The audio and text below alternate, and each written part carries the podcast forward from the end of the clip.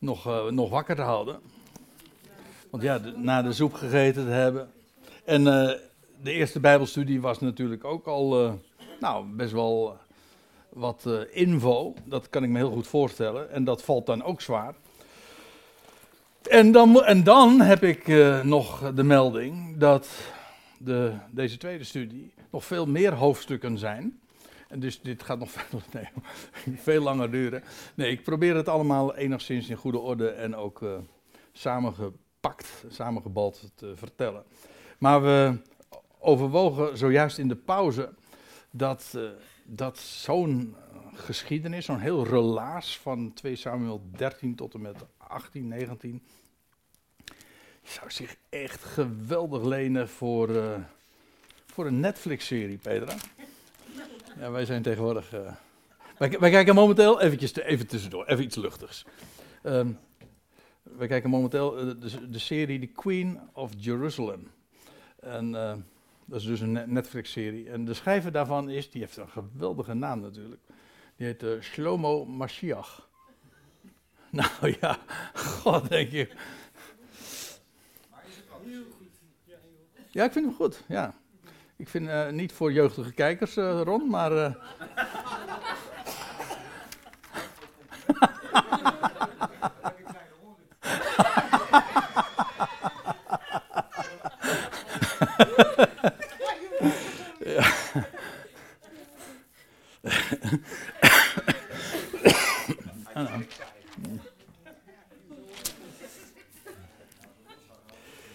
Ja, nou, we gaan het eh, nu dus, laten we het eventjes eh, wat serieuzer aanpakken, want anders eh, zitten we hier om vijf uur nog. Maar ehm, we gaan dus inderdaad verder met deel 2. En ja, de eerste hoofdstukken die van Absaloms geschiedenis, 13 en 14, die draaien om die hele affaire van Amnon en Tamar. Nou, daar hadden we het dus in de eerste samenkomst over. En dan gaan we nu verder. En dat draait helemaal om de opstand. En ik denk dat dat ook veruit het bekendste is van Absalom. Dat hij rebelleert, eh, zich als rivaal opstelt tegenover zijn vader David. En, eh, ja, zijn en die opstand is bekend, of in ieder geval dat hij dat doet. En vooral bekend is zijn nederlaag. En feitelijk is dat ook het belangrijkste. Maar daar eh, hebben we het zometeen nog wel over. Nou, ik doe het eigenlijk weer een beetje op dezelfde manier. Alleen nog compacter dan de vorige eh, samenkomst, omdat dit eh, nog veel meer hoofdstukken zijn. Dus 15, 16, 17, 18 en 19 feitelijk ook nog. En nou, even de stand van zaken. Absalom was dus teruggekeerd. En we krijgen nu eigenlijk weer een andere. Ja, ik laat het dan maar even in de terminologie blijven. Een tweeluik. Hè? De, eerste, de eerste luik is eh, dat we die, die affaire rond Amnon Tamar. En nu krijgen we een, een, eigenlijk een, een, een tweede geschiedenis. Na een jaar of eh, vijf eh, later. Dat moet wel. Toch? Twee jaar, drie jaar. Nou, oké. Dus inmiddels is Absalom dan een jaar of 25, als die daar in Jeruzalem arriveert. Nee, als hij hier nu dus eh, inmiddels eh, David ook heeft ontmoet. Maar ik zei al, daar zit echt een addertje onder het gras. En, om niet te zeggen een adder. En, want wat eh, Absalom van plan is, is gewoon zelf de troon te gaan bezetten van zijn vader David. En wat, wat je leest in die eerste 13 versen van hoofdstuk 15, dat hij een, een ja, ik noem het maar, een charme-offensief start. En daar is hij buitengewoon goed in. Want hij, was, eh, hij stond in hoog aanzien. En eh, zijn uiterlijke kenmerken zullen daar ook ongetwijfeld eh, aan eh, hebben bijgedragen. Een, een mooie man, aantrekkelijke man. En hij kon het geweldig verkopen. Ik denk dat hij het in de verkiezingen buitengewoon goed zou hebben gedaan. Kan niet anders. Het waren geen democratische verkiezingen. Maar je leest ook inderdaad dat, eh, dat hij eh, dan. Hij gaat de straat ook op. Hè? Ik, ik, stel me tegenwoordig zou hij dan met eh, pamfletten en, en foldertjes uitdelen en, en vertellen. vooral de camera erop, als jij dan mooi bent, ja, dat, dat verkoopt. Maar in ieder geval, hij beveelt zich onder het volk ook aan als een betere rechter, want hij, wat hij ook zegt tegen iedereen, op de straat in Jeruzalem, en, uh, dat als daar mensen zijn die een kwestie hebben, of uh, ja, die voor de rechter moet komen, en hij als koningszoon regelt dat dan voor hen. En daarmee uh, wekt hij ook heel veel vertrouwen onder het volk. En, want hij zegt, ik ben een veel betere rechter dan mijn vader. En die dat, die dat naar zijn idee. En vooral, je ziet daarin trouwens ook een aanval al. Het is niet alleen maar zo dat hij zegt van, ja, ik, ik help mijn vader mee in het, in het beslissen. En als een soort van rijdende rechter, zeg maar. En en die zijn vader assisteert. Nee, hij zegt: Ik ben veel beter dan mijn vader. Dus daarin zie je al dat dat niet dat het pure concurrentie en rivaliteit is die hij. Uh, een revolutie die hij eigenlijk ontketent. En dan lees je in vers 6 van alzo stal Absalom het hart van de mannen van Israël.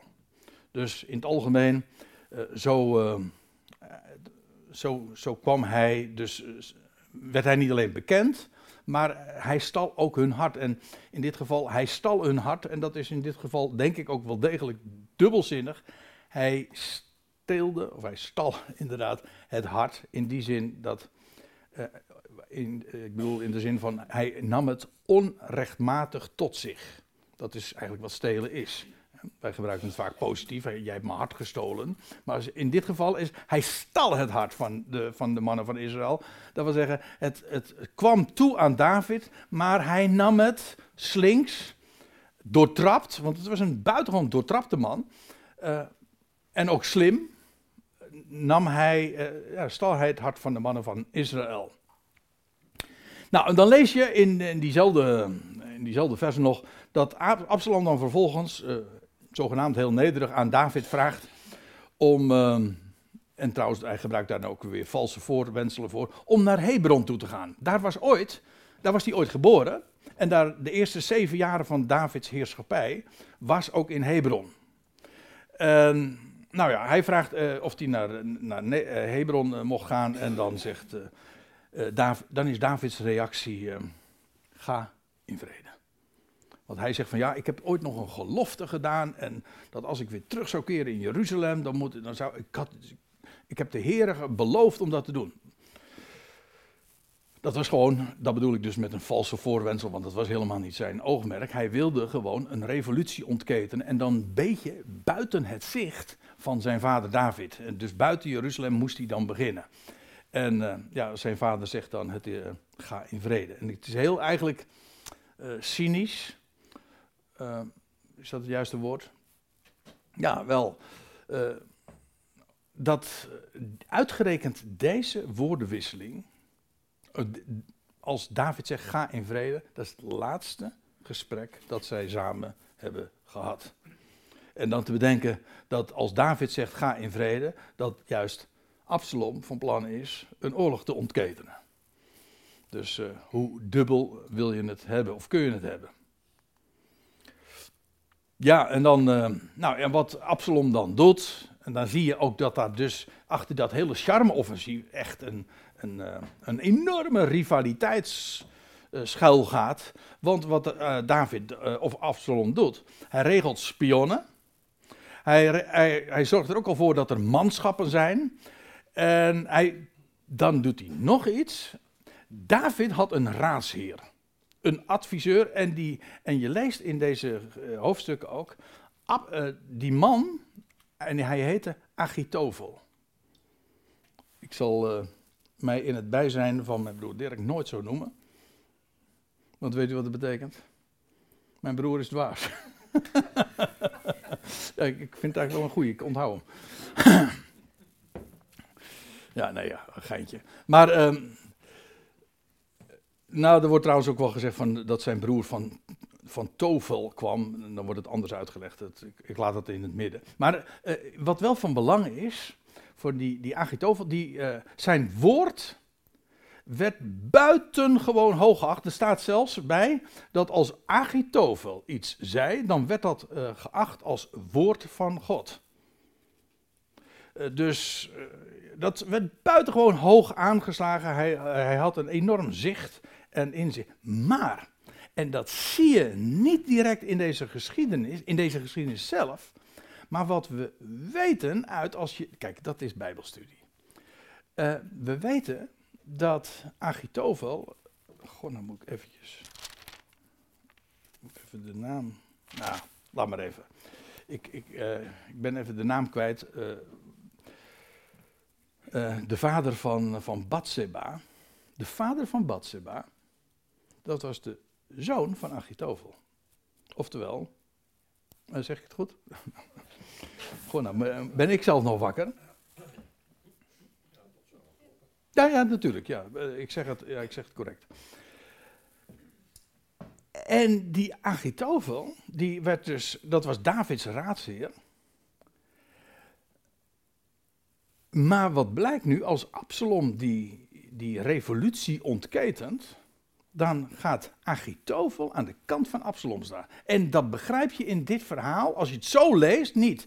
Maar elders weten we, een paar hoofdstukken later, dat die Agitofel dan blijkt, als je schrift met schrift vergelijkt, dus uh, de opa was van Batseba.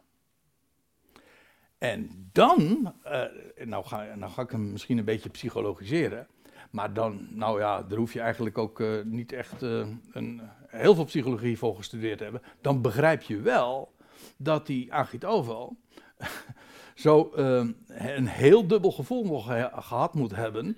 na alles wat er gebeurd was met Batseba en hoe dat afgehandeld was. Dat uh, Agitofel uh, op wraak zinde naar David toe.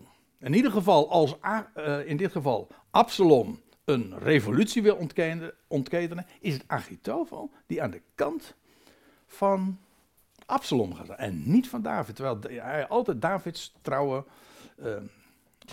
een is buitengewoon bekwame raadsheer is geweest. Heel eigenaardig verhaal, maar uh, dit detail mag je niet ontgaan, want dan, begrijp, dan begrijp je ook hoe, hoe die Agitofel zo ver gekomen is. Ja, nou dat, ik, ik noem die naam met opzet eventjes, omdat dat in deze hele geschiedenis nog een grote rol gaat spelen. En sterker nog, het is zelfs zo dat Agitofel hier uh, in de hele gang van zaken een, een beslissende rol speelt zelfs. Uh, als dan uh, Absalom daar in, uh, in Hebron is, dan, nou ja, dan ontketent hij eigenlijk dus een hele revolutie. Hij, laat ook, hij zorgt er ook voor dat, er, dat, dat het volk zeg maar, op zijn hand is.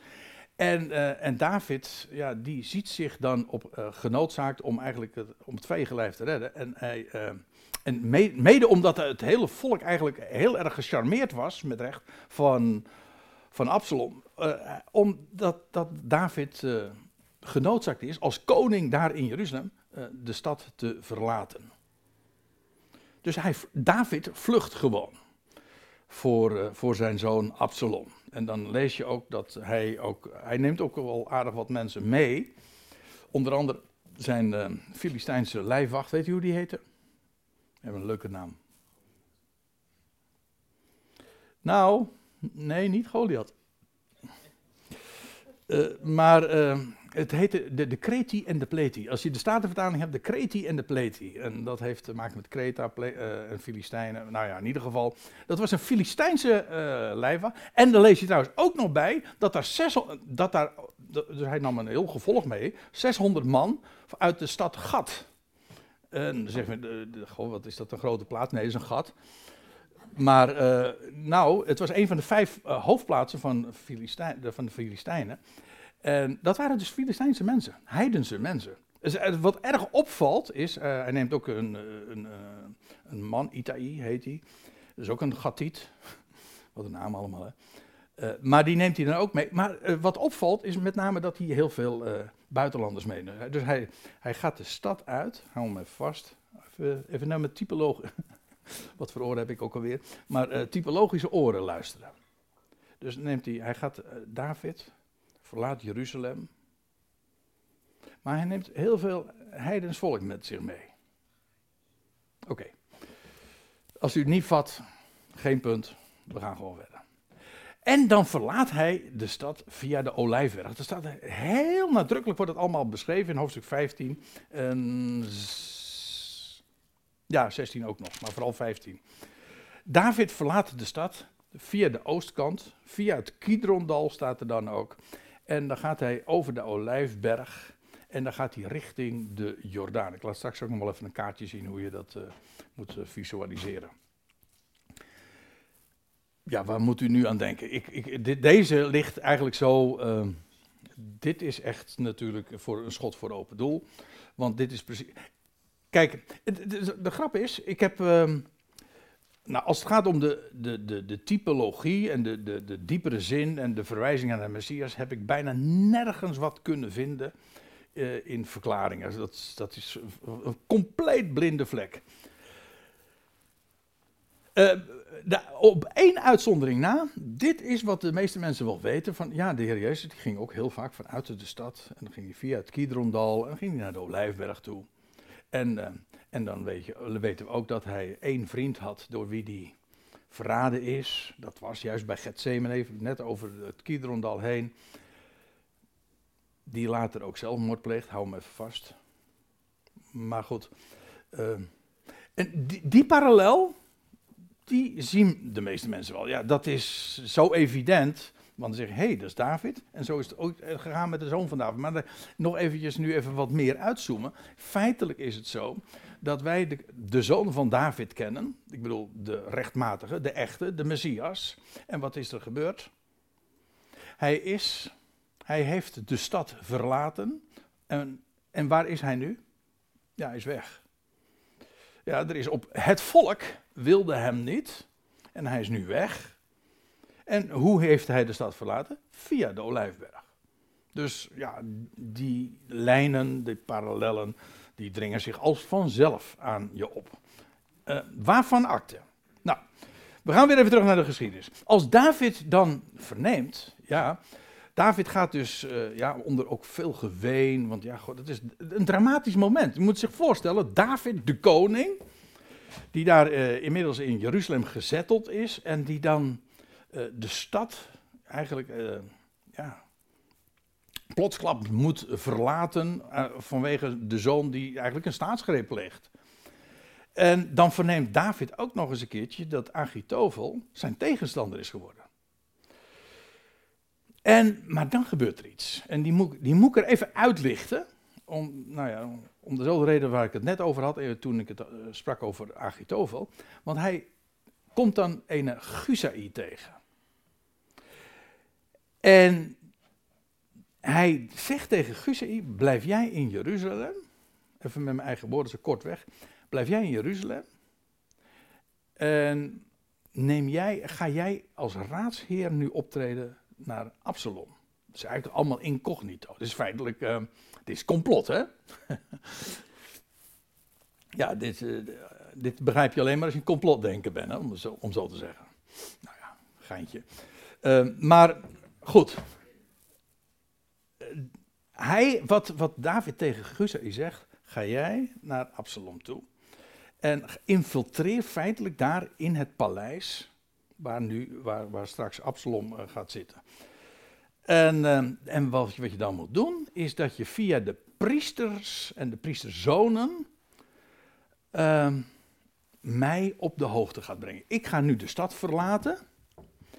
En in feite wat hier gebeurt is, de, de priesters, die waren ook op, die waren op de hand van David. En hij zegt tegen die Gusei, zorg jij er nou voor dat uh, met je raadgevingen, uh, dat je Absalom zodanig adviseert. En hij, de dan lees je ook dat David het gebed bidt, Heer, verijdel de raad van, uh, van Achitofel. Dat wil zeggen, als want hij, David wist, die Agitofel, dat hij zo'n geweldige raadsheer. Als die iets adviseert, is het altijd goed. Maar wat David bidt, God, verijdel de raad van Agitofel. En nou, wat hier in deze geschiedenis gebeurt is, Gusai wordt er dus eigenlijk op uitgestuurd om in Jeruzalem te blijven, in de kringen van Absalom te vertoeven. En als die Guzei dan ook inderdaad bij Absalom komt, zegt wat doe jij hier joh? Jij bent toch altijd uh, bevriend met David? Ja, zeg maar, uh, u bent nou, uh, u bent de, koning. Hij speelt het spelletje geweldig mee, die Guzei. En, en, en Absalom, ja, die, die krijgt achting voor die Guzei. Nou goed, dat was zo geregeld. En, en er was ook afgesproken dat die Guzei dan incognito, allemaal in het verborgene, de priesterzonen uh, op de hoogte zou stellen, zodat uh, dat David, uh, zodat David inderdaad geïnformeerd zou worden. Oké. Ja, en dan krijg je nog eventjes een, een, een interval, want bij het passeren van de Olijfberg, bent u er allemaal nog? Bij het passeren van de Olijfberg ontmoet David de knecht van Mephibozet. Mephibozet. Wie is Mephibozet nou weer? Snapt u nou een klein beetje trouwens uh, waarom ik vannacht wakker heb gelegen? Want ik, nou zou ik denken, en, want er zitten hier mensen in de zaal, dat weet ik, die totaal niet met deze verhalen zijn groot geworden. En die echt nog never nooit gehoord hebben van, uh, van uh, Mephibozet. Wel dan? nee. En, dus, sorry. Ik, ik, sorry, ik, ik, ik kan het ook niet helpen. Maar maar die Mephibosheth, die, ja, dat was, dat was namelijk een zoon van Saul en die was, die was kreupel, die was zwaar gehandicapt. En die, eh, nou ja, dat is een, ook weer zo'n mooi verhaal. Maar, en, eh, en ik ga het niet vertellen. Sorry, ik kan het niet vertellen, want dat zou echt te ver voeren. Maar wat ik wel kan vertellen is dat als David dan via de Olijfberg de stad verlaat en richting het Overjordaanse gaat, dan uh, ontmoet hij de knecht van die Mephibozet. En die ondersteunt hem op een geweldige wijze. Want die geeft er een hele grote hoeveelheid voedsel voor onderweg mee. Voor zijn manschappen. En, uh, ja, want ja, die zouden dat dan ook echt nodig hebben. Dat krijgt hij van die uh, knecht van Mephibozet. Nou, ook, dan komt David nog iemand tegen. En dat is niet zo, dat is niet zo fraai. Want die komt Simi tegen. Die kwam trouwens ook uit het huis van David. Maar dat, ja, die, uh, die vloekt en die tiert en die spot. En, en die gooit dan met stenen. Uh, en, uh, die, en die verwenst en vervloekt David. En die zegt eigenlijk ook van, ja, jij moet nou de stad verlaten. Nou, eigen schuld, dikke bult. Dat is precies wat jij mijn vader ooit hebt aangedaan. Dat zat, er zat enorm veel rancune, dat is duidelijk. En uh, ja, dan krijgt die, uh, David nog het advies van Joab van, joh, uh, moet je die Simi niet eventjes even een kopje kleiner laten maken of iets in die geest. En David zegt nee. David ondergaat het heel gelaten. En hij zegt van, nou ik zeg het u even met mijn eigen woorden, God doet recht. En David wist ook, dat wat er nu gebeurt. En het feit dat mijn zoon het nu tegen mij opneemt, dat is in feite ook eigenlijk een, uh, hoe zeggen ze dat? Uh, een koekje van eigen deeg. Dit is, dit is ook mij aangezegd. Dus David ondergaat dit eigenlijk ook in die zin heel gelovig. Hij zegt van ja, ik heb dit mijzelf ook aangedaan, dus nou moet ik uh, niet. Het feit dat die Simi nu zo tegen mij tekeer gaat en vloekt en teert en, en mij verwenst, het is goed zo. Het is goed. Goed, nou, uh, dan lees je, want de geschiedenis gaat verder. Uh, Absalom, David heeft de stad verlaten. Absalom arriveert dan in Jeruzalem. En dan, ja, nou, David, of die Absalom, die gaat dan, die, die komt in het paleis en die betrekt het paleis. En dan zegt die Agitofel, waar we het zojuist over hadden, die raadsheer dus. En die adviseert Absalom dan openlijk om, ik zeg het eventjes netjes, maar op zo'n bijbels, hè, om in te gaan bij Davids bijvrouwen. U snapt hem. Um, maar daar, hadden we daar had ik het vanmorgen al even over. Dat was namelijk al voorzegd, ooit, door Nathan die profeet. Die zegt van, dat gaat jou gebeuren. Wat jij in het verborgen hebt gedaan, dat, dat, dat gaat jouw naaste, Absalom, openlijk doen. En Agitofer die adviseert Absalom inderdaad openlijk nu om Davids bijvrouw, want hij had een tien, ja, moet je nagaan, wat een luxe hè. Sorry, sorry, dat mag dat, alles wat tegen je gezegd wordt, zeker op deze plaats, wordt, kan tegen je gebruikt worden. Nee, zo luxe is. Ik, ja, ik heb een, Je hebt alleen soms je handvol, handenvol, ja. En, maar ik ben ik zo dankbaar voor. Nee, maar. Uh... Goh, je moet er toch niet aan denken, zeg. Maar goed, bijvrouwen. Ja, er waren tien bijvrouwen, dat heb ik nog niet verteld, maar tien bijvrouwen waren nog in Jeruzalem achtergelaten. Uh, die moesten namelijk ook daar gewoon op de, de bol daar letten. Dat, was een beetje de, het idee. Maar uh, Absalom adviseert dus. Uh, nee, Achitover die adviseert Absalom om, om dat te doen. In feite daarmee eigenlijk. Het is ook een daad. Ja, met echt een daad. Het is waarbij die hij stelt om David, zeg maar, echt zo te schande te maken. Om, zo'n, om, om de, de vrouwen, de bijvrouwen van zijn, van zijn vader, zeg maar, te nemen. Ja, en er komt nog iets bij. En dat gaat dan openlijk allemaal op het dak. Ik heb daarover gelezen. Nou, maar de Agitofel, die, en nou, dit is het meest fatale onderdeel eigenlijk. Want die adviseert Absalom nog iets. En, en nou gaat, en dit is de raad die Absalom krijgt van Agitofel. Namelijk, Agitofel zegt, wat jij moet doen, is nu David per direct achtervolgen en, en hem zoda en, en nu te treffen, want nu is hij zwak. Dat was voor Absalom het allerbeste advies. Wat hij moest doen.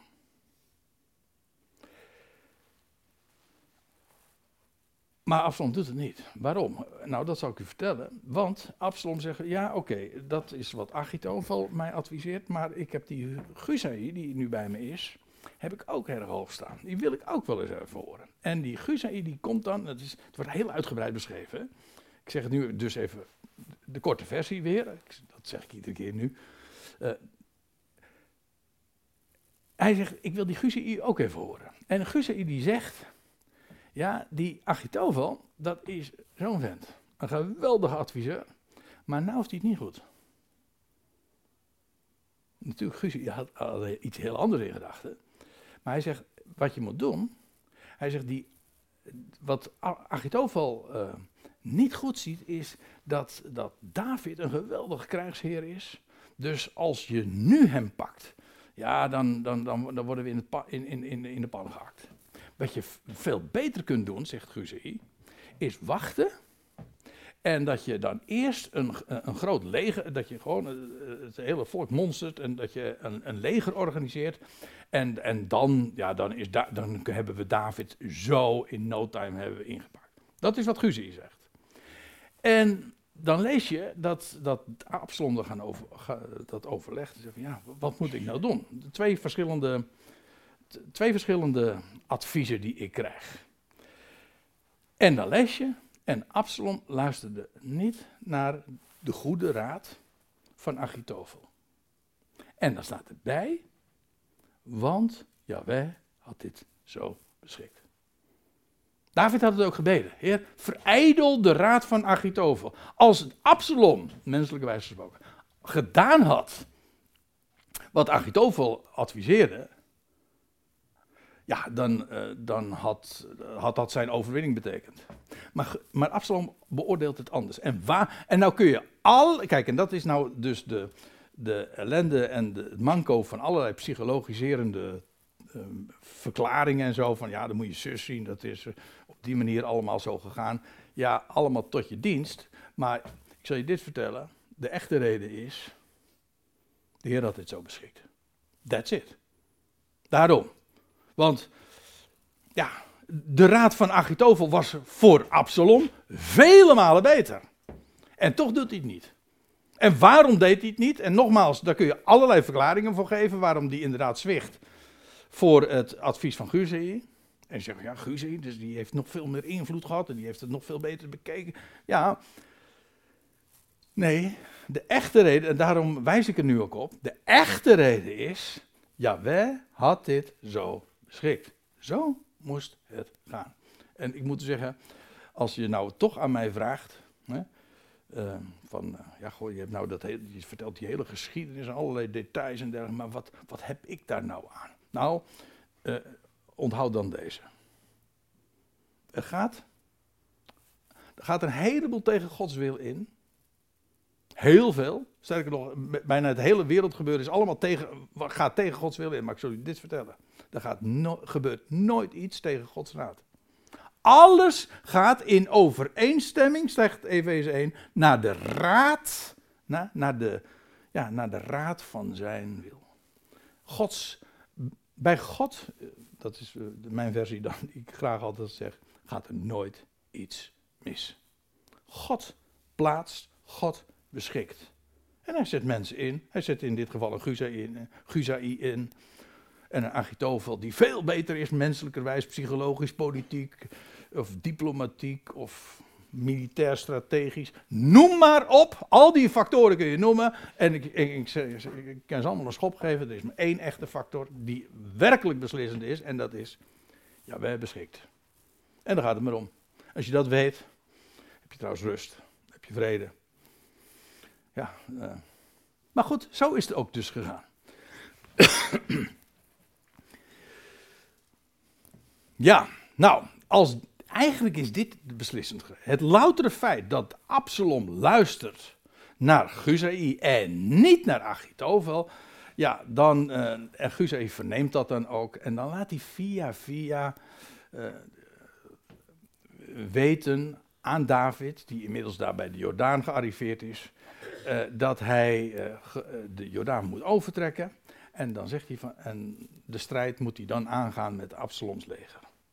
Guzei geeft hem dan via, via, via die raad. Hè, want hij moest. Dat, dat, gaf. Uh, je, moet, je moet het hele verhaal lezen. Je moet dat onderdeel, als je nog echt, echt even terug wil lezen, moet je die, die, dat verhaal ook nog even lezen. Want uh, ik vind het. Ja, ik vind eigenlijk. Ik vind, weet u dat ik nou een beetje schuldgevoel heb? Dat ik het nu niet vertel. Want dit is een pracht verhaal hoe, hij, hoe die raad namelijk, hoe Guzai inderdaad, nou David benadert daar bij de Jordaan. Hij kon niet zelf er naartoe gaan. Nee, maar hoe dat dan gaat, en daar zit er ook weer zoveel verborgen onder. Ja, nou, goed.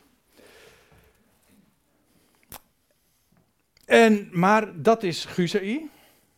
Die laat dat dus uh, via via aan David uh, weten. Maar Achitofel, die merkt, of die ziet dus, er wordt naar mijn raad niet geluisterd. En als hij dat dan uh, opmerkt, dan lees je dat, uh, dan ziet hij al helemaal de bui hangen. Dit gaat niet goed. En dan lees je dat hij helemaal uh, ja, ontdaan is en hij gaat naar huis, naar zijn huis in Gilo. Ik ken die plaats goed, nou wil zeggen, ik ben er ooit eens een keer geweest. Toen heb ik deze geschiedenis nog gelezen. Gilo, goh, dat is alweer 30 jaar geleden geloof ik. Maar uh, in Gilo, het is nog steeds een grote stadswijk in, uh, in Jeruzalem nu trouwens, Gilo. En uh, Achitovel woonde daar dus. En dan lees je dus, hij was gewoon zo ontdaan. Ja, en dat was niet alleen omdat er niet naar hem geluisterd was. Dat was niet alleen maar zijn ego. Maar hij wist gewoon van ja, nu dit gebeurt.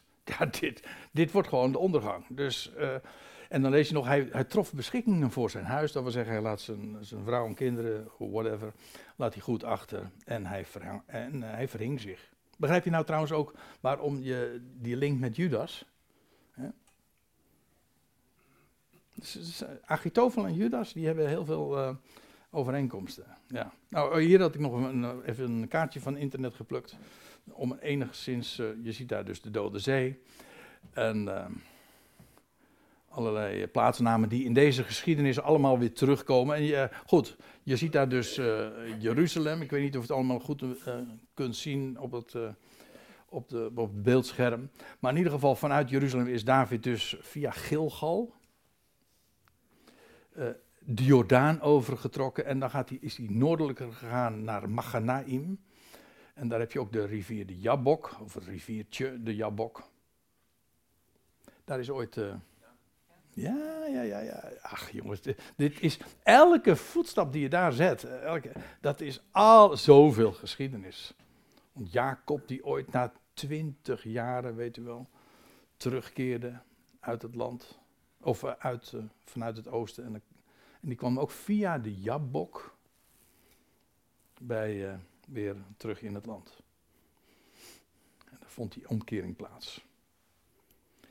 Lees je trouwens ook over Maganaim al. Al die plaatsnamen, die blijken namelijk uh, al veel eerder in het boek Genesis zelfs een grote rol te spelen. Maar waarom vertel ik het? Wel, om te laten zien dat David dus inderdaad uh, vanuit Jer Jeruzalem is gevlucht richting de Jordaan. En uh, nou moet ik er nog iets bij zeggen.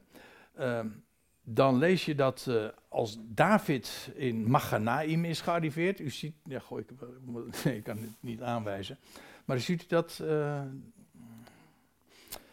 rechts in beeld.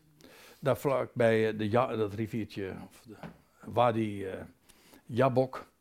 En daar is hij dan. En dan is David daar gearriveerd. En dan krijgt hij ook nog eens een keertje hele royale support vanuit Amman. Ja, echt hè, Ammon, Amman. En vanuit het Overjordaanse, om zijn manschappen te versterken. Ja, hij heeft dus inmiddels, via via heeft hij de raad van Guzai heeft hij gekregen enzovoort. Dus ja, en nu is hij ook nog eens een keertje heel erg eh, versterkt door, uh, door de support die hij heeft gekregen. Met recht royale support. U weet wat royal betekent, hè? Dus koninklijk. David organiseert zijn leger. Uh, daar, daar in Maganaim. Trouwens, Maganaim betekent twee legers.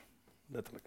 Maar hij, en, dan in, en dan doet hij één ding heel uitdrukkelijk. Dan instrueert hij zijn generaals, drietal, onder andere Joab, uh, Itai, uh, nog eentje, ben ik even namens kwijt. Maar die instrueert hij. Als nou straks de strijd wordt gestreden, want Absalom die gaat ons aanvallen en er gaat een strijd komen, dan bind ik jullie één ding op het hart. En dat is, ontzie mijn zoon Absalom. Moet je nagaan. Ik zei al, um, David heeft altijd een enorm zwak gehad voor, voor zijn zoon Absalom. Dat is niet wederzijds geweest. dat is ook wel in feite de tragiek wel in, in dat, als je het dan ook weer zeg maar een beetje van de menselijke kant bekijkt.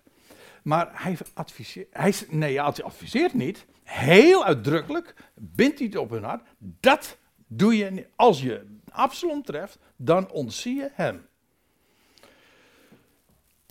Nou, en wat er dan plaatsvindt, mede door de, de, de omstandigheden, het is een heel onherbergzaam gebied. Ik, uh, de Jabok en je hebt daar je, de, de Forest of Ephraim, wat hier genoemd wordt het bos. En dat is daar heel onherbergzaam en daar, daar, loop, je, daar loop je zomaar vast. Dat zullen we straks vanzelf wel zien. Ehm, maar ja, je leest ook inderdaad dat door de, door de, de omstandigheden daar in, in het strijdgebied dat er velen ook uh, daardoor eigenlijk uh, ja, omkomen, of in ieder geval dat bemoeilijkt de strijd enorm. Ja, en dan, dan vindt daar een strijd plaats en dat wordt tamelijk kort, dat wordt weer kort beschreven, maar Absaloms leger wordt verslagen en daar komt bij die veldslag komen 20.000 man om. Dus dan praten we echt over een grote veldslag. Sommige mensen hebben gezegd van ja, dat duizend betekent in de Bijbel ook gewoon een legereenheid. Dat kan. Dus dat hoeft niet per se getalsmatig 20.000. Maar hoe dan ook, het geeft, uh, het geeft toch wel een indruk van de enorme veldslag die daar heeft plaatsgevonden. Maar daar gaat het nu even om. David wint. Of in ieder geval het leger van David wint. Toch. Ja, en dan krijgen we toch u voelt wel, ik ga er veel te snel doorheen, maar toch, uh, we komen hier uiteindelijk uit. Dan, uh, wat gebeurt er? Davids, een van Davids knechten, die treft dan Absalom aan. Op zijn muildier. U weet wat een muildier is? Dat is een kruising tussen een paard en een ezel. En uh, die zijn altijd onvruchtbaar. Een koning mocht zich, mocht, mocht zich geen vele paarden verwerven, lees je. En vandaar ook dat die koningen wel muildieren hadden. Heel apart verhaal. Maar in ieder geval, Absalom bevindt zich, eh, die, die, die rijdt daar op zijn muildier. Die Kijk, het leger, het leger was dus verslagen. En, en feitelijk, Absalom is ook op de vlucht. En dan rijdt hij daar op zijn muildier. En dan rijdt hij daar onder, uh, ja, gewoon onder een, de, dik, de, dichte takken, zoals wordt het dan beschreven, van een eik. En hij probeert daar onder, uh, onderdoor te komen. Ja, en dat wordt hem fataal, want hij raakt vast met zijn hoofd.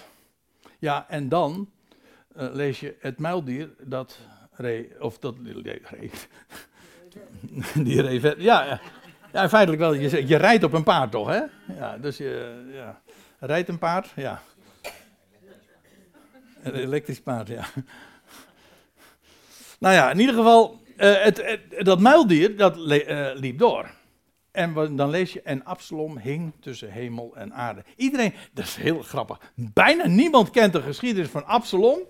Maar iedereen weet dat hij met zijn haren vast bleef zitten daar in de bomen. En het gekke is, dat staat er helemaal niet. Hij met zijn hoofd. Nou, oké, het is, het, de, de rabbijnen hebben altijd verband gelegd met, met dat enorme, eh, die enorme haardracht van hem. Dus het ligt wel heel erg voor de hand dat als hij zo'n geweldige haardors heeft. en je moet dan door die, door, die, door die struiken, door die takken.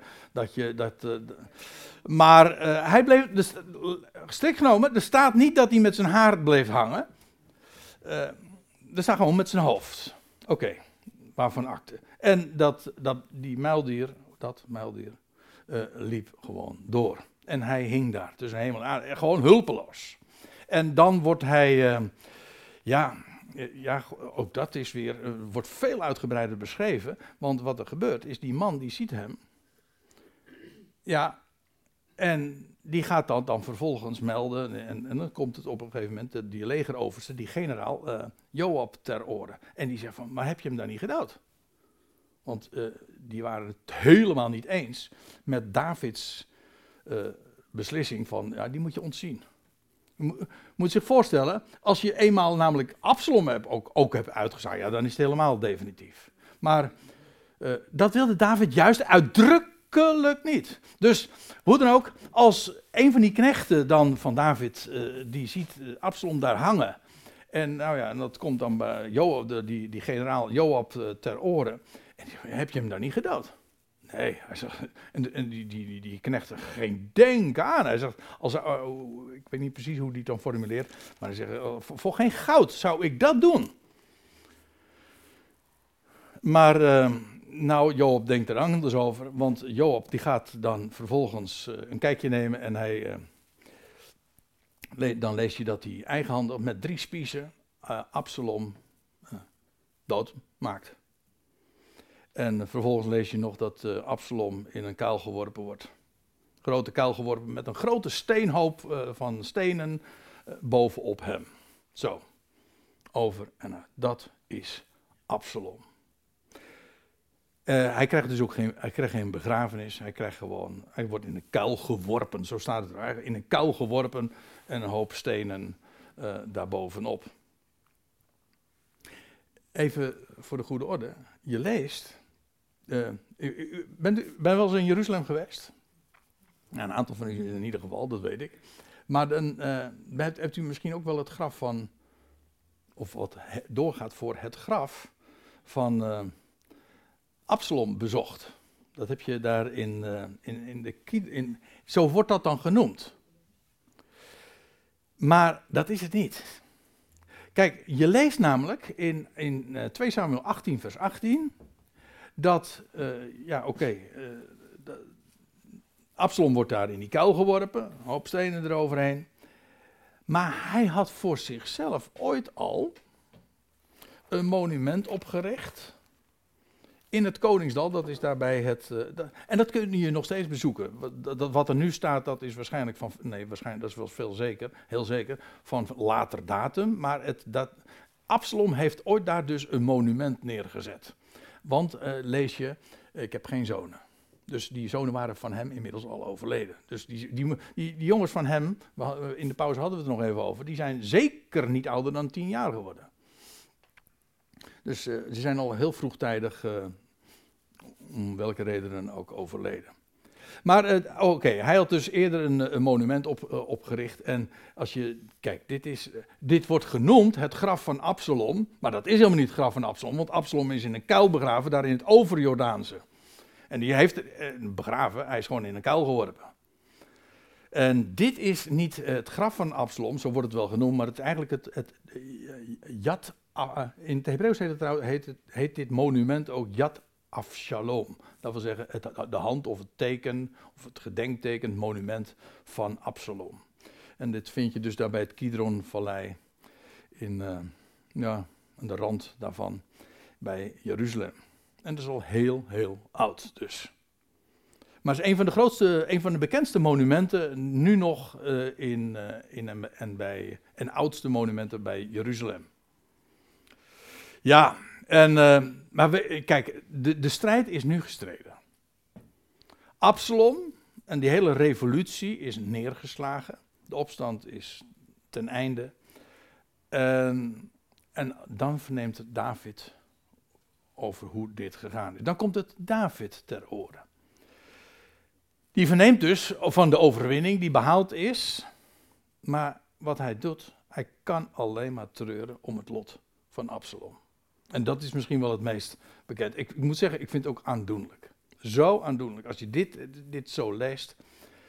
Want David is helemaal niet blij. Want eh, je leest dan, en dan weten we meteen ook waarom, hoe, hoe, dat, is, hoe dat met die titel is gekomen. Dat hij zegt, mijn zoon, dat is het eerste wat hij zegt. Mijn zoon Absalom, mijn zoon, mijn zoon Absalom. Och, dat ik in uw plaats gestorven waren. Absalom, mijn zoon, mijn zoon. Later zeg je ook Absalom, Absalom.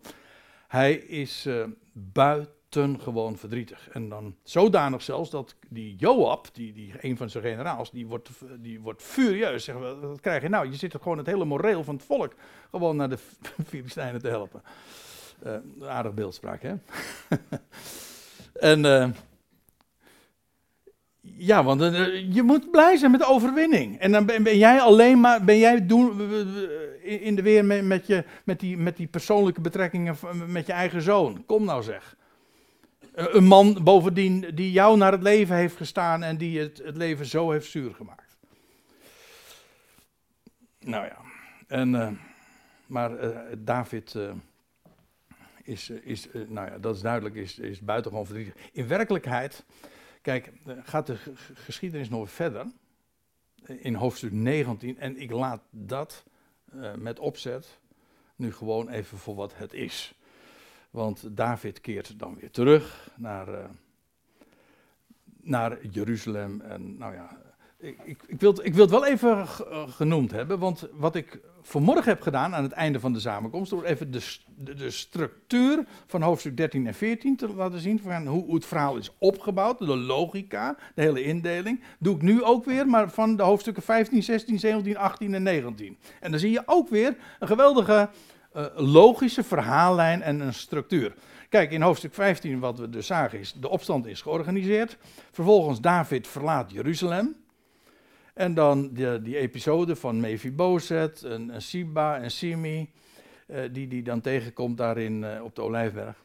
En dan, uh, ja, dan wordt dat, dat Absalom zijn intrede doet in Jeruzalem en daar koning wordt. Nou, en dan, maar dan krijg je weer hetzelfde verhaal, maar dat, of in ieder geval het, de, de, de tegenkanting, het contrast ervan, de opstand wordt neergeslagen. Ziet u hoe, hoe dat in lijn ligt met het begin met opstand georganiseerd. Hier wordt de opstand neergeslagen. Uh, het tweede was, David verlaat Jeruzalem. En, maar nu, vervolgens, David keert weer terug naar Jeruzalem. En opnieuw ontmoet hij, de, komen de namen van Mephibozet en Simi en Siba weer voorbij. En ja, in plaats, uh, nou, en, het eindigt met Jeruzalem. En waar David dan ook daadwerkelijk weer zijn intrede doet, zijn eigenlijk zijn herintrede.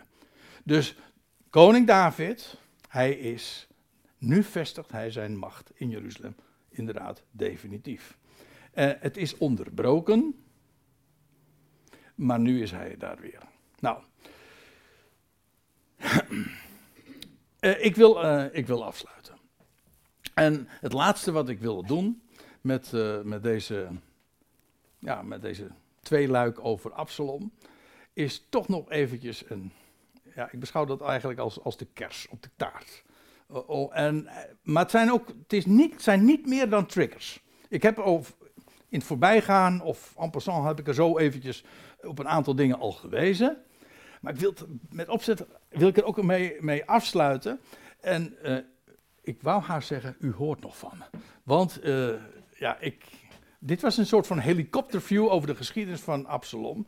Maar je zou echt die, in die details moeten gaan. En dan kun je ook veel dieper op die typologie uh, bezien.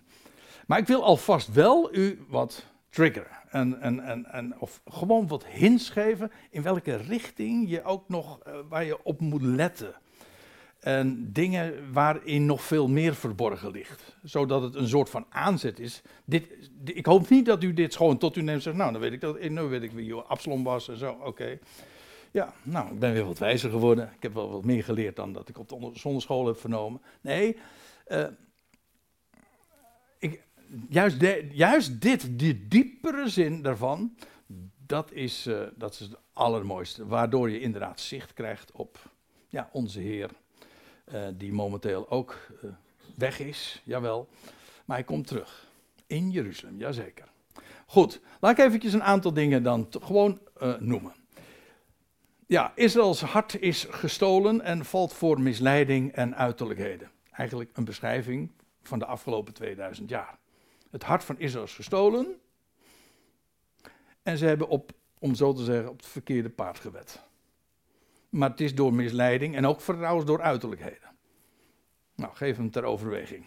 En de Messias verliet Jeruzalem via de Olijfberg. Die is trouwens ook heel dubbelzinnig. Want dat kun je op allerlei manieren opvatten. Maar de meest uh, verheven manier is. De Heer is ooit, heeft het toneel verlaten. Hoe? Wel, via de Olijfberg. En waar, waar is de zoon van David nu? Eigenlijk is dat de grote vraag. Waar is de zoon van David? Nou, daar gaat het in deze geschiedenis over. Nou, in ieder geval niet in de stad, daarbuiten.